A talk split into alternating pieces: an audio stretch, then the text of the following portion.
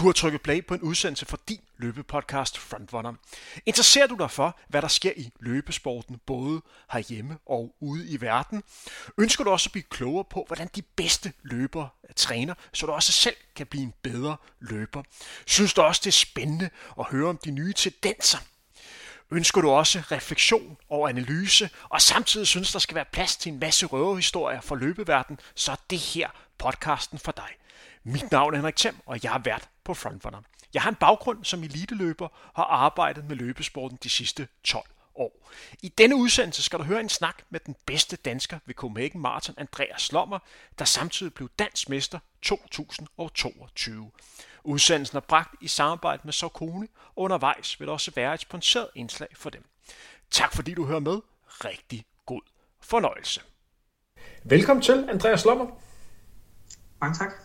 Og stort tillykke med det danske mesterskab på Marathon 2022. Et meget banalt spørgsmål. Hvordan var det søndags på de sidste 100 meter, og sådan over målstregen og kalde sig dansk mester? De sidste 100 meter, de var, de var, det var de fedeste 100 meter. Øhm, det var ligesom der, hvor jeg kunne, kunne se det og vidste, at den var hjemme. Og så var der jo bare sindssygt god stemning og mange mennesker, så det var, det var helt vildt fedt. Havde du i den vildeste fantasi før løbe overvejet, at du ville blive dansk mester? Øh, jeg havde måske håbet, det kunne lade sig gøre, men jeg vidste jo også, at, øh, at Thijs han er en giftig mand, og, øh, og Martin Ebia har også løbet hurtigt tidligere i år, så, så jeg var på ingen måde øh, noget, jeg sådan gik og regnede med. Men, øh, men at det lykkedes, det var bare mega fedt. Og hvis vi spoler lidt tilbage øh, til løbet, jeg er godt klar over, at løbet ændrede sig lidt efter sådan 6-37 km for dig, hvor det begyndte at blive rigtig hårdt. Men når var du klar over, at den her den titel, den var hjemme? Jamen, det var først øh, på de sidste 400 meter, 500 meter, hvor jeg egentlig kunne se målstregen, fordi det sidste, jeg havde hørt, det var, at Thijs han var omkring 30 sekunder bag ved mig, øh, og derfra, om det var omkring 30 km, tror jeg, og derfra, der vidste jeg slet ikke, hvor folk var bag ved mig, så jeg forventede hele tiden, at der ville komme nogen overhælde mig. Øh, det der begyndte at gå ned der ved ja, 6.37, så, så jeg turde slet ikke at, at tro på, at den var hjemme, før jeg nærmest skulle se målstregen. Andreas, du er jo blevet 30 år. Du har jo tidligere vundet danske mesterskaber, primært indendørs. Du har en personrekord på 10.000 meter på 29.18. Du har også lå under øh, 14 på 5.000 meter og under 64 på, på halvmarathon. Og så mødte du altså op til maratonløbet med en PR på 2.18. I den forbindelse skal man også lige nævne, at du rent faktisk løb maraton ved Rotterdam øh, i starten af april og blev far for, for 14 dage siden. Og tillykke med det. Hvordan er det at være far til to?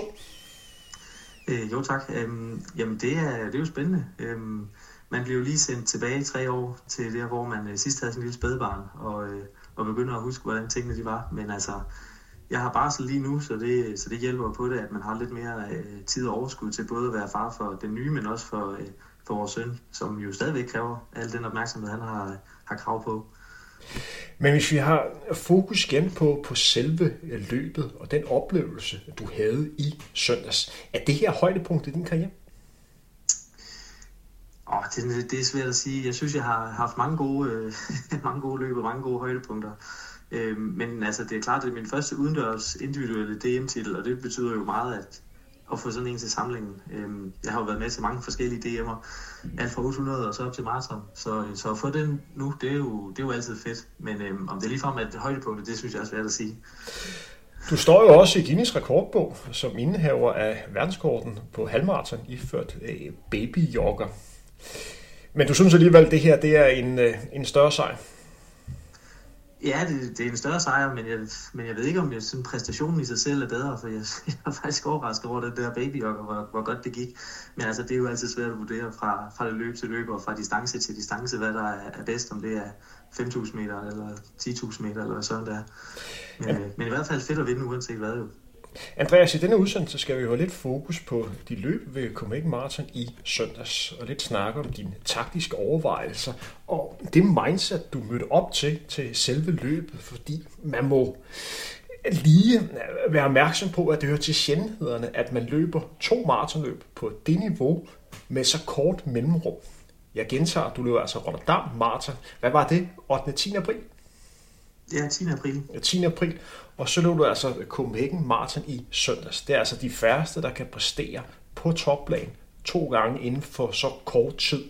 Og så mødte du op, udover øh, have en ambition om at blive dansk mester, så havde du også et mål om at prøve at klare EM-kravet på de her 2, 14, 30.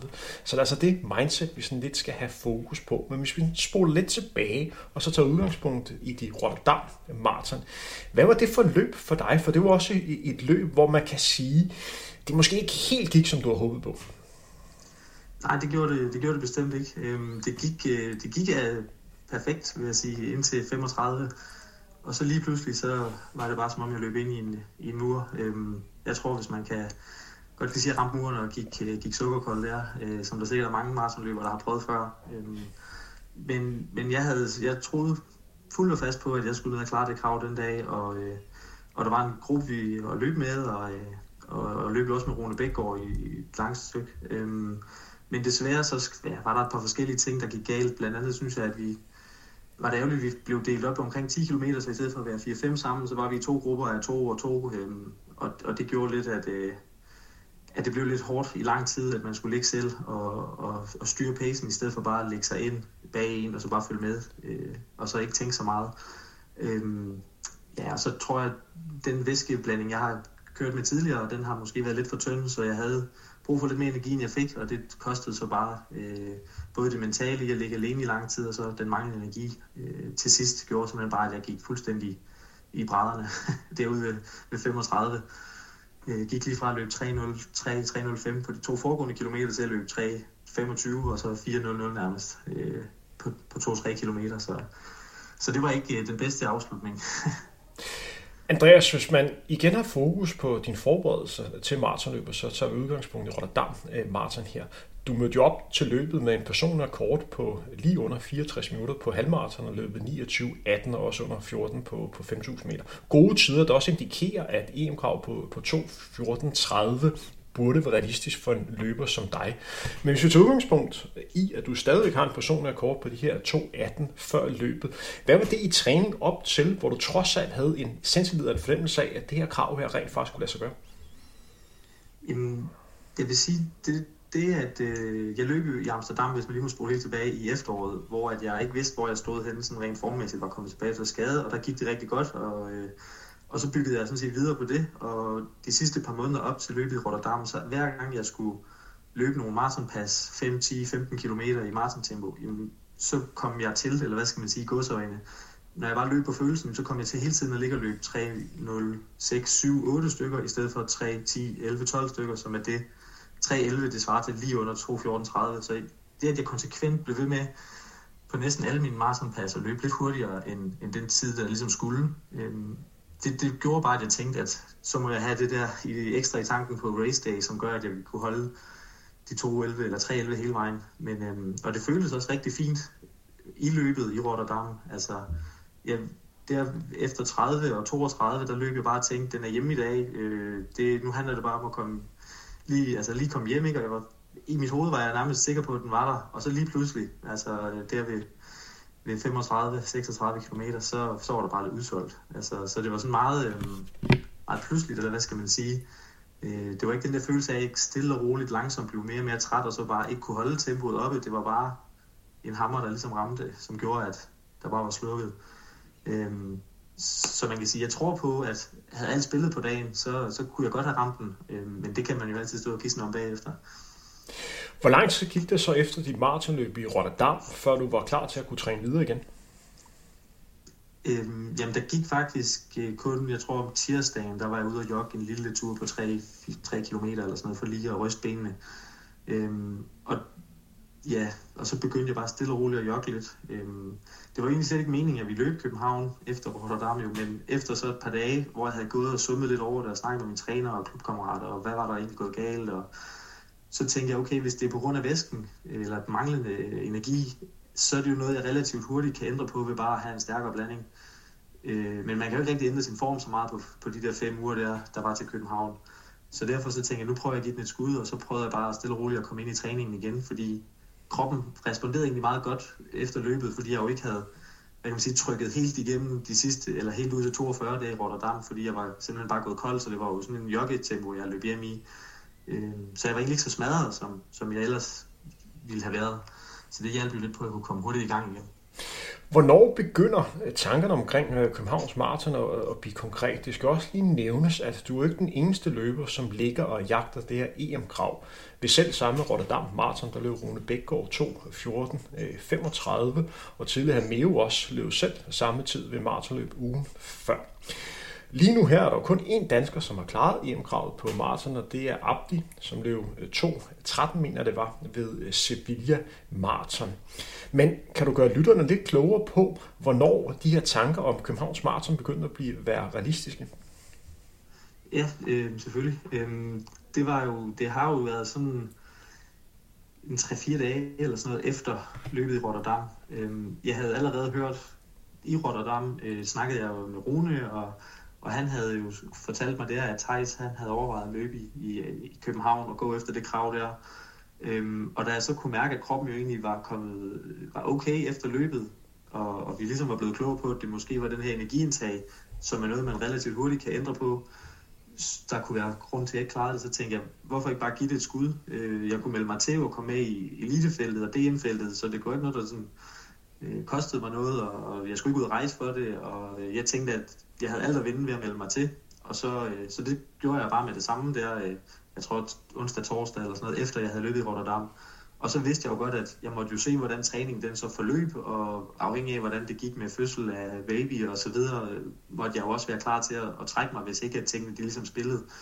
Men, men ja, kroppen responderede fint, og jeg fik trænet et par gode uger med nogle, men en okay mængde og nogle okay træningspas, og så tænkte jeg, hvorfor ikke bare, så er det bare give det et skud, ikke? Øhm, man kan altid, øh, man kan prøve, ikke? men man, man fortryder jo også, hvis man ikke gør det måske, og så står og siger, hvorfor prøvede jeg ikke øh, alligevel, når jeg havde chancen. Så, så jeg tænkte, at jeg havde alt at vinde.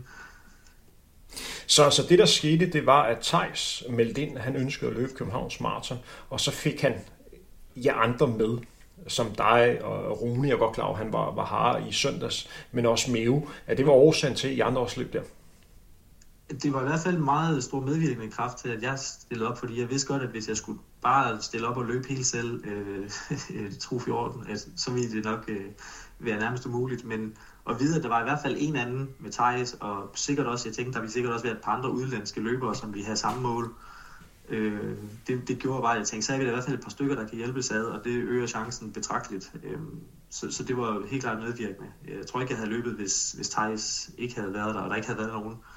Så, så, så klarede det en stor hjælp. Og hvad havde du fået at vide i forhold til EM øh, før? Fordi situationen er jo lidt speciel, fordi Thijs blandt andet ikke har klaret kravet, men har klaret kravet til VM, fordi VM-kravet Øh, går længere tilbage, og han har løbet 2.11.29, det gjorde han i starten af, nej, i slutningen af 2020 ved Valencia Marathon, det er altså den tid, der gør, at han har kvalificeret sig til VM, men ikke kvalificeret sig til EM, selvom kvaltiden rent faktisk er langsommere end VM. Ja, jeg ved godt, det er, det er indviklet. Og så har vi så de her to danskere, der ligger på 2.14.35. Hvad har du fået at vide på forhånd, der skulle til for at komme med til EM? Var det simpelthen, du skal under 2.14.30, eller så kommer du ikke med? Øhm, altså jeg har ikke fået noget at vide fra nogen sider. Øhm, jeg tænkte bare med mig selv, at den eneste måde at være sikker på at komme med, det er at klare kravet. Så der var slet ikke nogen sådan plan B ind i mit hoved, andet end bare at gå efter de 2.14.30 og komme under. Og så ligesom have, have, have tingene i egen hånd, eller hvad skal man sige, og, øh, og sikre sig på den måde. Øh, man kan jo ikke gå efter at løbe 2, 14, 34 og så være den næste i rækken, hvis de tager nogen med på tider eller et eller andet. Så, så der var slet ikke noget tvivl i mit hoved andet end bare at gå ud og løbe øh, efter det krav der. Vi holder lige en pause for dagens udsendelse. Søndag den 12. juli afvikles årets bestseller Aarhus City Halvmarathon. Et løb, jeg har deltaget i to gange, og jeg undskylder på forhånd, hvis det, som kommer nu, føles lidt for meget som ananas i egen juice. Så kære lytter, nu er I advaret. Jeg var med tilbage i 2014 og 2015. Begge gange var jeg så heldig og havde den store fornøjelse og kom først over målstregen. Derfor husker jeg naturligvis tilbage på det løb med glæde. Stemning ude på ruten husker jeg som rigtig, rigtig fed, og jeg synes virkelig Aarhus kan noget som løbeby. Jeg husker ruten som dejligt udfordrende med lidt af det hele. Stejle bakker, nedløb, decideret byløb, hurtige strækninger, hvor man kunne give en gas, løbe vandet og i fantastisk natur.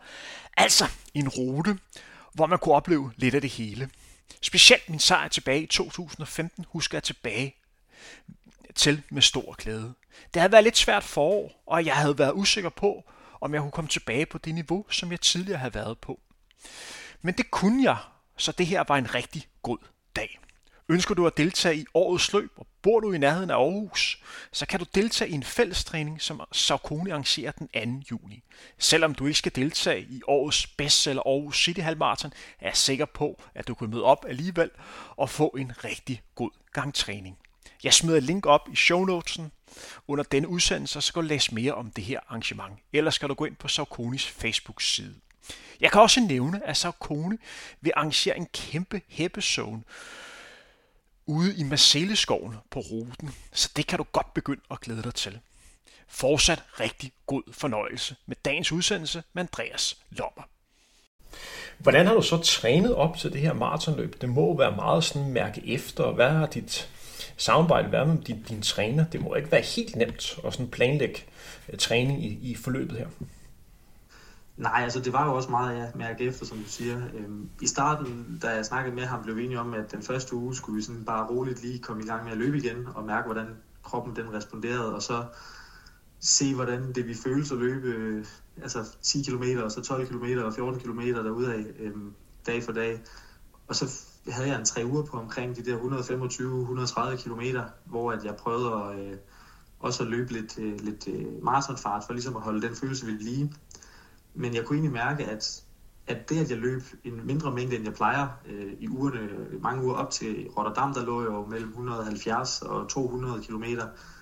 Bare det, at jeg kom ned på de der 120-30 stykker, det gjorde, at jeg faktisk løb hurtigere på alle mine joggeture også, uden at det følte, altså uden øhm, så, så derfor så tænkte jeg også, at okay, men det må betyde, at kroppen den trods alt har det okay, selvom jeg har, øh, har løbet i dag i Rotterdam.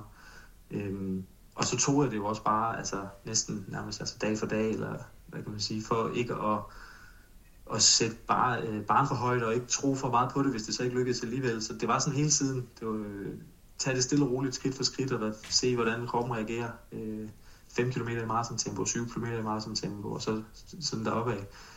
Øhm, ja, fordi det er jo ikke noget, jeg har prøvet før, med sådan en kort turnaround fra det ene løb til det andet løb øh, på den måde. Så det er jo ja, lidt et gamble. Man ved ikke rigtig, hvad man skal gøre, eller hvordan man skal gøre det for at stå bedst anden gang. Og så bliver du altså øh, far til barn nummer to her for 14 dage siden. Hvilken indvikling fik det på din træning? Jeg kan også huske, at jeg fik øh, barn nummer to. Det var altså en øh, pæn hektisk tid lige efter. Det må også have været for dig. Jo, det, det er det selvfølgelig. Det er det selvfølgelig. Øhm, jeg, jeg har egentlig bare fået det til at fungere fint nok med, at jeg, øh, jeg har jo stået op om morgenen selvfølgelig, og så har jeg jo skulle aflevere den, øh, den største i, i børnehaven, og så har jeg egentlig bare løbet dernede med ham i babyjokker, og så lagt en træningstur ind umiddelbart, altså i den forlængelse, sådan så det var overstået som det allerførste på dagen. Og så har jeg bare kun løbet enkelttur, øh, så, så jeg har ikke haft nogen dobbeltdage i de fem uger mellem Rotterdam og København. Og så har jeg bare løbet ja, 15-25 km der fra morgenstunden af. Øhm, så har jeg ikke skulle tænke på at lægge det ind resten af dagen, og jeg har kunne kunne tage en lur i løbet af eftermiddagen, øh, hvis det har været nødvendigt, hvis vi ikke har fået sovet nok om natten og sådan noget. Så, så på den måde har det egentlig fungeret meget godt. Øhm, men det er klart, at det er jo kraft af, at jeg også har, har barsel i den tid der, at, at det kan lade sig gøre. Hvis jeg skulle op på arbejde, så er jeg ikke sikker på, hvordan det her kunne fungere. Hvad med rent mindset-mæssigt? Det med, at du blev far til nummer to, var det også med til at gøre, at du måske tænkte lidt mindre over det her maratonløb end ellers? Fordi jeg kan godt forestille mig, at der ellers er noget, man går virkelig og bygger sig selv op til. Jamen altså, jeg ved ikke, jeg, det har jo på en eller anden måde, så, så synes jeg ikke, at det sådan har, har ændret så meget sådan i forhold til løbet. Altså, jeg synes, jeg havde en meget sådan afslappende og rolig tilgang til det at, at løbe i København, fordi jeg godt vidste, at, at jeg ikke, altså, at det var et gamble, eller hvad skal man sige. Øhm, så, så lige, altså, nærmest op til løbet dagen før, var jeg også sådan lidt, jeg ved ikke engang, om jeg selv tror på, det kan lade sig gøre, fordi jeg vidste ikke rigtigt, jeg kunne ikke rigtig føle min øh, krop, og hvordan, om jeg var klar eller ej. Øhm, så jeg var meget sådan afslappet og bare tænkte, jeg kommer bare, og så løber jeg, og så ser vi, hvordan det går. Og det er jo alligevel først ude ved 25-30 km, man sådan finder ud af, om det går godt eller ej. Øhm, så, så jeg synes egentlig, at, at jeg har været meget afslappet omkring det, og taget det meget øh, stille og roligt. Øh, og ikke prøvet, ja, netop ikke kørt mig selv helt op og tænkt, nu skal det bare være, fordi ellers så falder hele verden sammen. Øh, så det har jeg selvfølgelig øh, gjort det, at det har hjulpet lidt, synes jeg.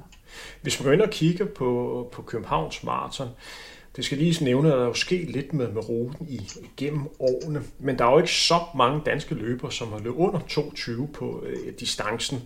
Det næste kommer til at sige, skal ikke høre som en stor ro som mig selv, men hvis vi går tilbage til, øh, til 80'erne, så blev der løbet, jeg mener det var 2.15 tilbage i, øh, i øh, 86, og så løb jeg under 2.20 øh, tilbage i 2013, men ellers har der ikke været danskere, som har løbet under 2.20. Det kan jo skyldes mange ting. Det kan jo skyldes, at man ikke har ramt dagen, de, de bedste løbere ikke har stillet op, men det kan også skyldes det faktum, at ruten er en lille smule udfordrende.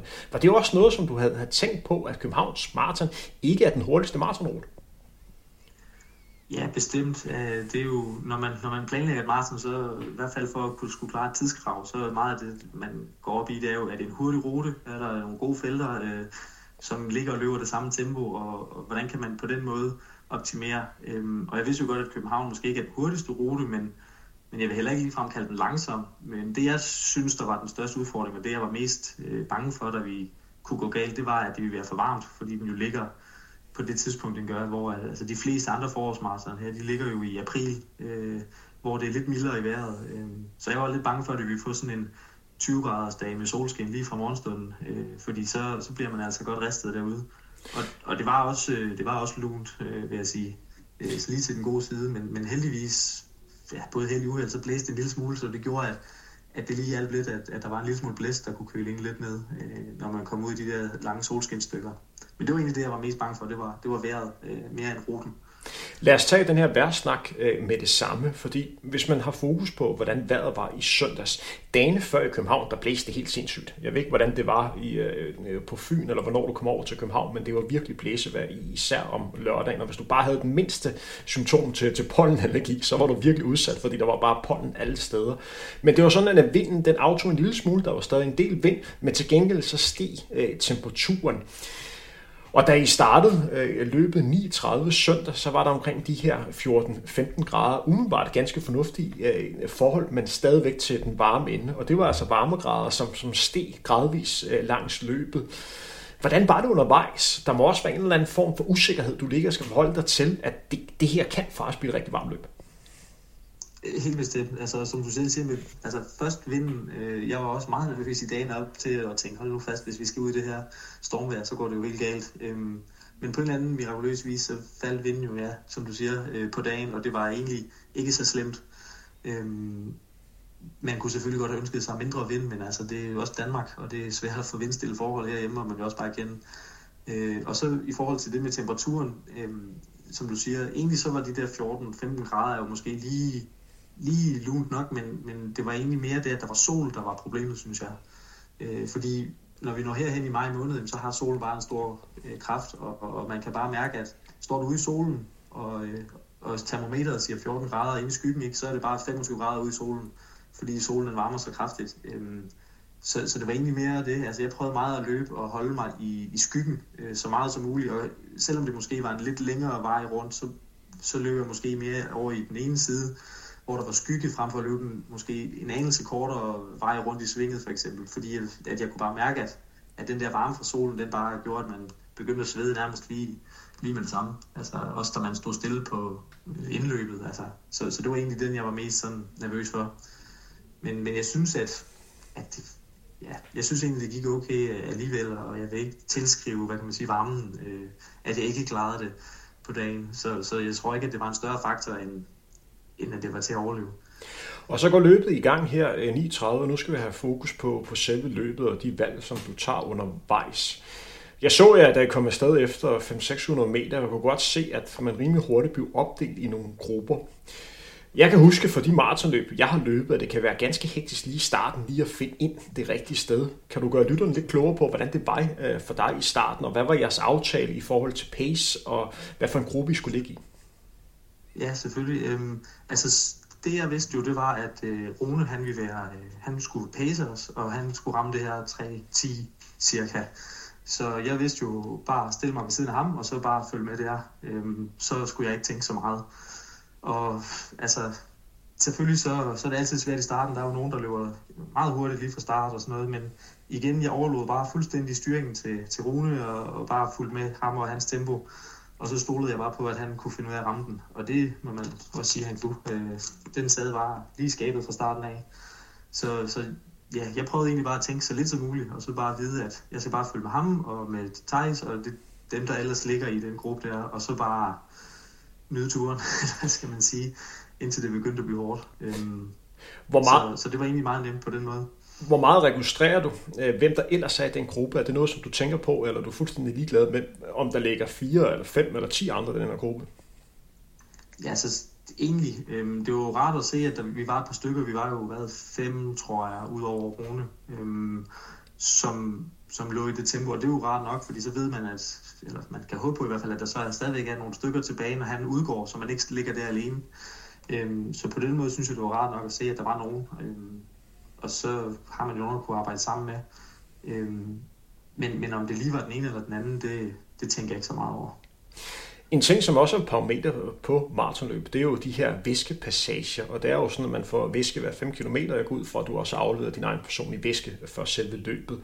Hvordan var det, når I skulle have det her øh, væske undervejs? Det er vel også noget, som der øh, kræver en vis form for, for energi at skulle tage undervejs? Selvfølgelig, det er altid en, øh, det er altid en, øh, en udfordring med de der væskestationer, og man kan sige, heldigvis var vi ikke så mange i gruppen. Altså hvis man ligger 20 mand, øh, der skal ind til et bord og, og have fat i nogle flasker, så kan det godt blive et endnu større kaos. Øh, fordi selv bare det, vi var 5-6 stykker, det gjorde, at, at man lige skulle sikre sig at ligge det rigtige sted, og hvem trækker ind foran den anden og sådan noget. Men, men altså, jeg havde mine flasker på, på bordet til DM-løbet, og der var, øh, en, var min opfattelse egentlig, at der var færre, end der var på elitebordet. Så, så jeg synes egentlig, det var ret nemt at få fat i mine. Øh, jeg havde så sådan et flag øh, tapet fast på, så jeg kunne se, og så bare lige tage fat i fladen, når jeg kom hen og få min dunk med på den måde. Øh, det har jeg prøvet et par gange nu, og det synes jeg fungerede fint. Så, så, så jeg synes ikke, der var de store problemer med, med væskedepoterne. Men det er selvfølgelig altid noget, man lige skal koncentrere sig lidt og være ops på. Men det er jo så også med til at bryde løbet lidt ned, synes jeg, i nogle kortere bidder, så man ligesom, okay, nu er der et væskedepot, få flat i flasken, træk lidt, løb videre, og så går der kun lige et par kilometer, og så skal man til at tænke, hov, nu kommer der snart noget, og man skal forberede sig på det igen. Øh, så på den måde synes jeg egentlig, at de kan være meget gode til ligesom at bryde distancen lidt ned i nogle mindre bidder. Hvor langt skal du hen i løbet, for du kan mærke, at du har gode ben? Øhm, ja, jeg synes egentlig, at de første 5-10 kilometer var sådan lidt, der var jeg lidt usikker på, hvordan det egentlig føltes. Jeg synes, det føltes lidt tungere, end jeg gerne ville have haft, at det skulle gøre. Men det var som om, at, at så kom vi ind i et eller andet flow, hvor det egentlig bare føltes okay. Og det blev ikke mm, tungere endnu, end det var. Øh, og det synes jeg var øh, positivt.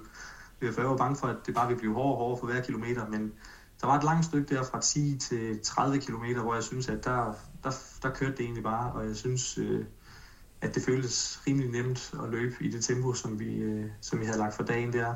Øh, ja, så, så, så der, der troede jeg egentlig på, at det, det godt kunne lade sig gøre, kan man sige. Jo længere jeg kom, at, at det måske godt kunne lade sig gøre, på trods af, at det var lidt øh, en anderledes optakt.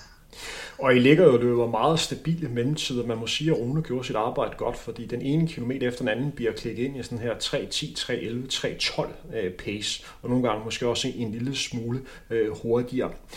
Hvis man går ind og kigger på, på selve øh, ruten, og det med jer, som har løbet Københavns Marathon, så kommer jeg jo igennem det, det meste af København, men det er en rute, der, der sær begynder at blive en lille smule udfordrende efter, efter 15 km, hvor man nærmer sig øh, Vesterbro og løber op langs Frederiksberg. Hvordan var det her øh, stykke fra 15 til, til 25 for dig? Øh, jamen, jeg kan faktisk ikke rigtig huske så meget 15 til 25. Sådan det, jeg er ikke helt klar over, hvor vi præcis løber rundt der. Øh, så, så det har nok ikke været så slemt. Øh, jeg synes klart, der hvor jeg var mest sådan, tænkte mest over ruten, det var da vi kommer ind sådan omkring Indre By. Øh, jeg mener det er omkring ved 30 km eller sådan noget.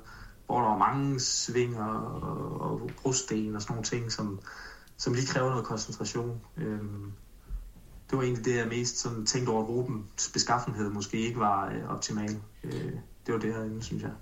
Og så sker der det undervejs, at den ene dansker efter den anden falder af. Og til sidst, så er ham løberen, som, som du lå med, nemlig Thijs, han må også, øh, hvad kan man sige, falde fra.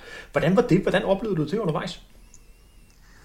Øh, jamen det sker jo egentlig nærmest, som vidt jeg husker i hvert fald, nærmest lige efter at Rune han øh, stopper ved 25 km, så ligger jeg forrest øh, og trækker ligesom gruppen og prøver at bare fortsætte i det samme tempo. Og jeg kan godt fornemme, at det er ligesom om, at, at, øh, at Thijs og en anden en, vi ligger fire i alt, Thijs og mig, og så to udlandske løbere, at det er som om, at Thijs og ham, den ene af de udenlandske løbere, han, det ligesom falder en lille smule fra, og jeg begynder sådan at tænke, sætter jeg farten op måske? Er det derfor? Og blive ved med at kigge sådan på mit ure for hver 200-300 meter for at se, hvad, hvad, altså, er det mig, der er helt skidt på den her? Øh, man kan så se øh, første kilometer ved 26 og ved 27, at jeg ligger stadigvæk på de der tre 10 cirka, så, så jeg tænker, at det må bare være Thijs, der er ved at være lidt øh, træt, men måske ja, han kommer igen, eller hvad skal man sige. Øh. Så, så jeg tænker egentlig ikke så meget mere over det, det er end bare at tænke, okay, jeg er nødt til bare at fortsætte øh, i det her tempo, fordi det er ligesom det, vi har, har lagt for dagen, og, og nu er vi nået så langt, så nu kan man ikke begynde at ændre strategien på den måde. Så, så jeg fortsatte bare at tænke, så må han komme senere, hvis han lige har været, er inde i en rough patch eller et eller andet, men... Øh, men ja, jeg havde så heldigvis en anden en, en anden løber der fra Georgien, tror jeg det var, og vi, vi var gode til at ligge og, og hjælpe hinanden til sådan at, at ligge forrest og trække lidt. Så, så det, det var meget rart. Så det gav dig ikke noget selvtillid, at, at Thijs han øh, faldt fra på det tidspunkt, fordi det skal forstås i alt mulig respekt for for Thijs, men det er jo klart, at en løber, der møder op med en personlig kort på 2, 10, 57, det er jo en løber, man som en anden dansk løber rigtig gerne vil slå, mere som hyldes for Thijs, ud fra de tider, han har. Og det må jo alligevel give dig en eller anden form for gejst, der du kan mærke, Gud, har jeg overhånden i dag? Helt bestemt. Øh, altså det, det motiverede mig at vide, at, øh, at jeg måske kunne slå ham i dag, fordi det er jo, det er jo ikke så tit, man, man får lov at slå Thijs, så det, det, det er jo altid rart. Øh, generelt altid rart at være den bedste dansker jo. Øhm, men, men jeg ved også godt, at ved 5, 6, 27, der er stadig meget langt hjem. Øh, og med den oplevelse, jeg lige har haft i Rotterdam, ved jeg også, at jeg kan selv gå fuldstændig i brædderne ude ved, altså bare kort før mål, ikke? Så, så jeg vidste jo også godt, at det er på ingen måde noget, der er sikkert, at jeg vinder, bare fordi jeg ligger forrest ved 30 km. Øhm, så, så derfor så prøvede jeg ikke at tænke så meget over det andet end bare ja, fortsætte med det, vi var i gang med, ikke? og så ja, øh, gå efter det, for det var også ligesom det primære mål, og egentlig tiden øh, for mig. Øh, så, så blive fanget for meget i, at man er den første dansker, og så måske ligger og slappe lidt for meget af, det, det synes jeg også var dumt. Så, så jeg prøvede egentlig bare at fortsætte. Så omkring 30, der er det primære mål stadigvæk at klare EM-krav på 2.14.30, og hvis det så gør, at du bliver dansk mester samtidig, så er det kun en bonus. Helt, ja, lige præcis. Igen den oplevelse, du havde ved Rotterdam Marathon. Jeg har også prøvet at løbe maraton, hvor jeg har nogle hårde kilometer til sidst. Man kan jo ikke undgå, at det er nogle tanker, der kommer, kommer frem, især når man begynder at blive presset og nærme sig det sted, hvor man sidste gang blev udfordret. Hvordan håndterer du de tanker undervejs? Ja, altså du er fuldstændig, du rammer hovedet på sømmen der. Altså det var, øh, det var hele tiden sådan en spøgelse, ligesom løb med at tænke, okay, jeg har det godt nu, men det havde jeg også sidst på det her tidspunkt, og og hvem ved, lige pludselig kan det gå galt. Øhm, men, men jeg prøvede bare at, at prøve at skyde det væk og, og tænke, at det var en anden dag, og, og nu har jeg et andet løb, og, og jeg må bare fortsætte, og hvis jeg må gå død, så må jeg gå død. Altså, øh, så jeg prøvede at ligesom bare acceptere, at tanken den var der, men at ikke at lade mig påvirke af, af det, og begynde at ændre min, min tilgang til det, øh, til løbet. Øh, bare fordi, at det var sket. Altså, øh, så, så på den måde synes jeg egentlig, at det gik fint nok, men, men det er da klart, det var der noget mentalt, man lige skulle, skulle, have, skulle overvinde, eller hvad skal man sige, at, at man lige har haft den oplevelse. Og så hvis vi spoler lidt frem, fordi efter 35, så ligger du stadigvæk meget tæt på, på det her øh, krav, jeg går ud fra, at du stadigvæk ligger sammen med din øh, georgiske ven på, på det her tidspunkt. Men så nærmer vi os nogle kilometer, der begynder at blive, blive hårde for dig. Er, er det et resultat af det, som du oplevede øh, ved Rotterdam Marathon, eller et resultat af, det faktum, at det er hårdt på maraton, det her stykke her? Jeg tror klart, det er det sidste. Øhm, det, det var ikke min øh, fornemmelse af, at det var det mentale. Det var simpelthen bare fordi, at, at det begyndte at blive hårdt. Øh, og, og den her gang, hvad kan man sige, hårdt på en mere klassisk måde, at jeg kunne mærke, at benene blev mere og mere tunge, og det krævede mere og mere energi at opretholde det samme tempo.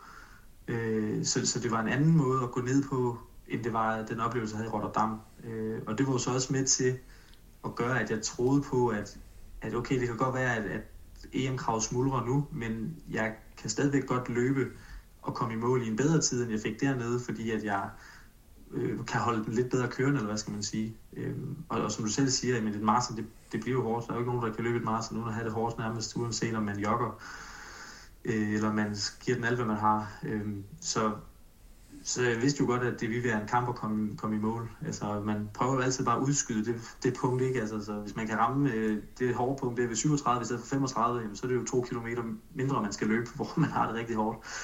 Øhm, så jeg tror, ja, det er jo nok bare uundgåeligt. Øhm, Hvordan holder du så kørende på, på det her tidspunkt? Er det at tage en kilometer gang, eller bare tænke, at jeg skal ind til det sving, og så skal jeg ind til det næste sving? Nej, på det her tidspunkt her ved de der 37 eller sådan noget, der er det klart bare, bare altså en kilometer ad gangen, og blive ved med at tro på, at, øh, at, at jeg er der lige om lidt. Og på det tidspunkt, der ved ja, 7-38, der, der kan jeg godt fornemme, at, at tempoet er gået så meget af ballonen, at det der EM-krav, det, det kan jeg ikke nå. Og der begyndte det så at blive rigtig fedt, at det også var et DM, fordi det var det, der holdt mig oppe de sidste fire kilometer, at, at jeg vidste, at jeg kunne ikke bare udgå, fordi så var der altså ikke noget DM. Øhm, så hvis ikke det havde været et DM-løb, så er jeg ikke sikker på, om jeg holdt den kørende hele vejen, eller jeg bare var stoppet op og gået et stykke, fordi jeg var godt nok, øh, jeg var godt nok presset til sidst i hvert fald. Kunne du undgå at kigge tilbage? Du vil godt lide som mig, og når man ser en løber, der kigger sig, kigger sig tilbage, så bliver han være en lille smule pres. Ja, det, det skal man helst undgå jo, men, og det, det gjorde jeg heller ikke. Jeg prøvede så vidt muligt bare at, at, at løbe, øhm, og så prøvede jeg at lytte, fordi jeg kunne høre, at, øh, at folk de klappede og hæppede, når, når jeg kom løbende forbi. Og så prøvede jeg ligesom at fornemme, hvor lang tid går der, før de begynder at klappe og hæppe igen. Og jeg blev ved med ikke at kunne høre øh, nogen, øh, der klappede efter mig. Altså så var jeg ligesom ude af deres øh, øh, synspunkt. Så, så derfor så troede jeg også, at der var et stykke ned, men, men når man pludselig går fra at løbe 3.10 til at løbe 3.40, så skal der jo heller ikke så langt, mange kilometer til, før man bliver indhentet med, med et minut, hvis der er nogen, der, øh, der holder tempoet bagfra. Så, øh, så det var også derfor, jeg ikke helt troede på det, øh, før at jeg var så tæt på målet, at jeg kunne se det. Så på det her tidspunkt er du slet ikke klar over, hvor langt du reelt er foran? Nej, overhovedet ikke. Øh, som sagt, så jeg havde hørt det omkring ved 30 km, mener jeg det var, øh, at der var nogen, der sagde, der var nogle cykler, der cyklede frem og tilbage mellem grupperne. De fortalte, at der var cirka 30 sekunder ned til Thijs. Og så hørte jeg ikke mere fra det. Så i mit hoved, der kunne han lige så vel være 30 sekunder bagud, som være udgået. Øhm, så, så derfor så anede jeg ikke noget. Og så jeg vidste jo heller ikke, hvem der var efter Thijs. Så, øhm, så derfor så anede jeg slet ikke noget om, hvad der foregik bagved. Øhm, og det var også derfor, jeg, at jeg ikke vidste, om der pludselig kom nogen drønende. Det forventede jeg. jeg altså de sidste to kilometer tænkte jeg, nu kommer de løbende forbi. Nu kommer de løbende forbi. Men, øh, men det gjorde det jo så heldigvis ikke. Og derudfra, at man konkluderer, når man selv er gået så meget ned i tempo, så tænker man, alle de andre løber må ikke gå så meget ned i tempo, så der må jo komme nogen overhælde mig. Lige præcis, lige præcis. Hvad gjorde du reelt undervejs i forhold til, øh, forhold til uge? Havde du slået din GPS på, eller kørte du stopur undervejs? Øh, jeg kørte øh, stopur, men jeg mener ikke, jeg havde, jeg, jeg havde GPS'en på, men altså, jeg havde ikke sådan en autolab-funktion. Øh, så jeg bruger altid kilometerskiltene, der er i løbet, der er sat op. Øhm, og især når man løber ind i København, også, så kan man jo heller ikke regne, med sin GPS, når man tager mange svinger i høje bygninger og sådan noget. Så jeg kørte sådan hver kilometer, men, men som sagt det her med, at Rune han var der, øh, det gjorde, at jeg ikke kiggede på mit ur nærmest en eneste gang, før vi var ude ved de der 25 km, fordi jeg vidste, at jeg skal bare følge med ham. Altså uanset hvad han løber, så, så det er det det, jeg skal løbe også. Øhm, så det var først derefter, at jeg sådan prøvede at, at holde lidt mere øje med sådan kilometertiderne, om de, om de passede nogenlunde. Og så kommer du altså ind på den sidste kilometer, hvor du løber over den bro, som du startede med at løbe over, og så kan du se målstregen øh, længere nede. Du skal bare lige rundt om en sving, og så skal du løbe opløbsstrækningen. Hvordan var den fornemmelse der? Jamen, det var, det var en fed fornemmelse. Det var sindssygt hårdt at komme op af, af, af, af broen, øh, hvor man kom op imod om kilometer 41 der øh, det var sindssygt hårdt. Og så ned i det der, øh, der er sådan et, øh, et usving, eller hvad skal man sige. Og der kunne jeg jo så ligesom fornemme og kigge bagud, øh, fordi jeg kommer til at løbe i den modsatte retning. Ikke? Og der kunne jeg godt se, at der var ikke nogen. Og det var så der, det begyndte at gå op for mig, at okay, der kommer nok ikke nogen, der henter mig. Og så kommer man ind på opløbsstrækningen og kan bare se, at der står mennesker hele vejen langs øh, opløbet, og man kan høj musik, og folk, der klapper og råber, og og der var, der var det der, jeg begyndte at tro på det, og ligesom knytte næven og, og ligesom fejre det lidt ind i mit hoved, og, og prøve at vise også, at jeg var glad udad til, så folk kunne se, at, øh, at det var en glad mand, der kom i mål. Fordi på det her tidspunkt øh, er du også, altså du er gået, øh, hvad kan man sige, gevaldigt ned i tempo, og dermed når man ligger og løber 3.30, 3.45, og ligger løbet 3.10. Og så kommer du over stregen. Hvordan var det at løbe over målstregen? Det må jo være en fantastisk følelse at kunne kalde sig dansk mester 2022. Det var det bestemt også, men altså, jeg vil sige, det, det allerførste og det allerbedste ved at komme over målstregen, det var, at jeg bare kunne sætte mig ned. øh, jeg ikke skulle tænke på at tage et skridt mere.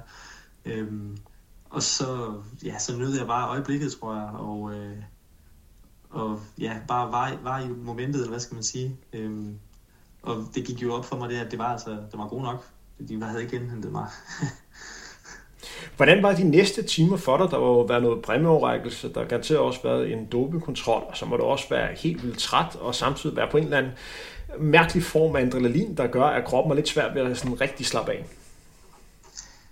Jo, det var jo det var, det var mærkeligt, ikke? fordi det var en meget blandet følelse. Et, et så var jeg jo glad for, at jeg havde, havde vundet og det danske mesterskab. Jeg var også glad for, at jeg havde lavet PR, men jeg var også skuffet over, at jeg ikke havde klaret øh, målet om, om EM-kravet. Og vidste jo også godt, at der var jo ikke en chance, der var ikke en chance mere, jo, så det var det, der skulle ske, hvis det var.